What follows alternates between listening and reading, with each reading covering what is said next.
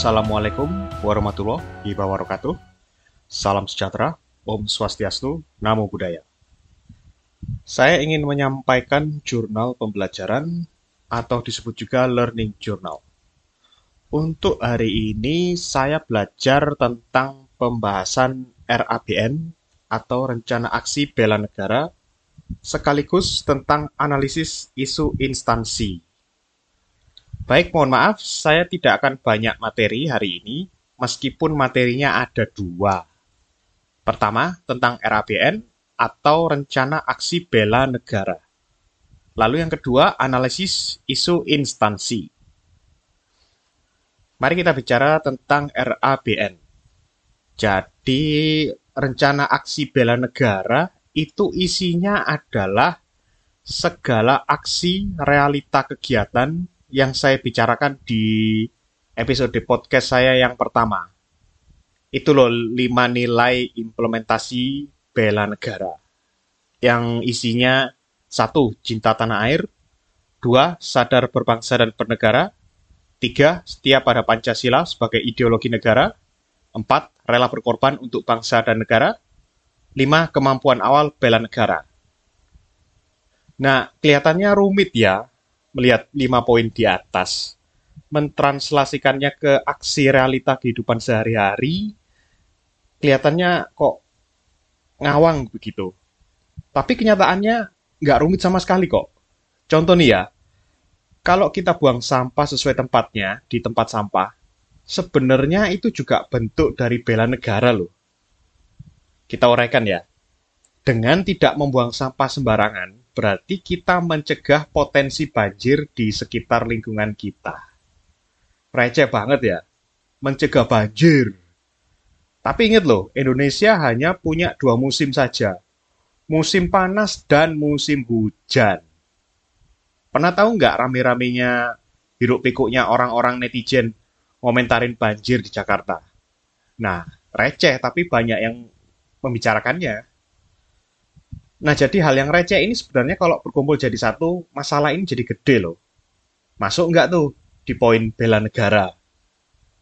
Nah, dengan membuang sampah di tempatnya, secara tidak langsung kita membantu mencegah banjir secara tidak langsung juga kita membuat nyaman hidup orang lain, orang Indonesia. Nah, loh, kalimatnya berubah kan? Tidak receh lagi, jadi berbobot kan? Banyak orang yang langsung berpikiran terlalu luas. Waktu ditanya, sebutkan contoh aksi bela negara. Orang yang overthinking akan menjawab, saya akan mengamalkan nilai-nilai Pancasila. Nah, gitu jawabnya. Tapi setelah pulang dari tempat seminar, beli aqua botol, plastiknya kita buang di jalan. Ya. Mulailah bela negara itu dari hal kecil yang berguna bagi orang lain. Soalnya kelak hal kecil itu akan menjadi besar dan bermanfaat bagi bangsa dan negara. Nah, kita beralih menuju materi kedua, analisis isu instansi. Ingat nggak podcast saya yang kedua membahas analisis isu kontemporer? Bedanya ada di kalimat instansi yang menggantikan kontemporer. Jadi analisis isu instansi itu di tempat kita bekerja. Wah, berat ini, berat. Saya sudah bersumpah tidak akan menjelekkan instansi saya sendiri. Terlebih instansi saya bukan BUMN yang tujuannya jelas cari untung, tapi instansi badan pelayanan publik yang secara langsung loh, langsung membantu rakyat Indonesia loh. Saya ingat hari pertama masa orientasi, saya dihadapkan oleh seorang bapak. Bapak ini keluarga PMI yang ingin istrinya pulang dari Arab Saudi. Bapak ini minta bantuan BP2NI. Alasannya sederhana anaknya yang sudah berumur 12 tahun sudah bisa berpikir sendiri dan mulai bertanya, siapa ibunya? Karena si anak belum pernah ketemu ibunya sama sekali selama 12 tahun, berarti si ibu sudah bekerja 12 tahun di Arab Saudi tidak pernah pulang. Wah, sedih nggak tuh mendengarnya? Masa perkenalan, minggu pertama masuk orientasi, sudah dihadapkan dengan contoh kasus masalah begini di krisis center PP2MI. Makanya saya nggak tega kalau saya dianggap menjelekkan instansi hanya karena saya menganalisis isu permasalahan di dalam instansi. Oke, baik. Kembali ke materi analisis isu instansi itu sendiri. Ingat loh ya, saya tidak berniat menjelekkan instansi saya.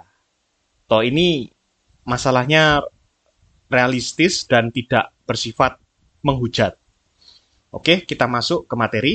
Saya kasih satu contoh isu saja ya. Kalau saya paparkan semua isu yang saya tulis bisa satu jam, dua jam, saya bisa tidak berhenti ngomong ini. Oke, isu yang pertama adalah tidak ada sarana dan prasarana bagi staf baru CPNS. Saya nggak ngomongin sarana prasarana yang mewah loh ya, seperti mobil atau helikopter, bukan. Saya bicara tentang meja dan kursi yang tidak cukup di ruangan unit kerja saya. Unit kerja saya ada 15 orang staf, tapi jumlah kursi dan meja hanya 8. Untungnya, wah ini kalau mau dibilang untung, saya juga kok sepertinya bersyukur atas pandemi. Sisi positif dari pandemi ini, kita berlatih bergantian berkoordinasi melalui WFO dan WFH, work from office dan work from home itu adalah solusi sementara yang paling murah dan efektif buat mengatasi ketidakadanya sarana dan prasarana.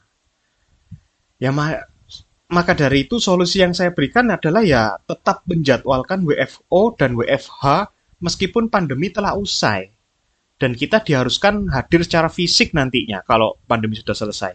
Tapi jadwal itu harus tetap jalan. Tidak dipungkiri, masa-masa WFO dan WFH telah menjadikan mental kita, para CPNS, siap ditempatkan di mana saja.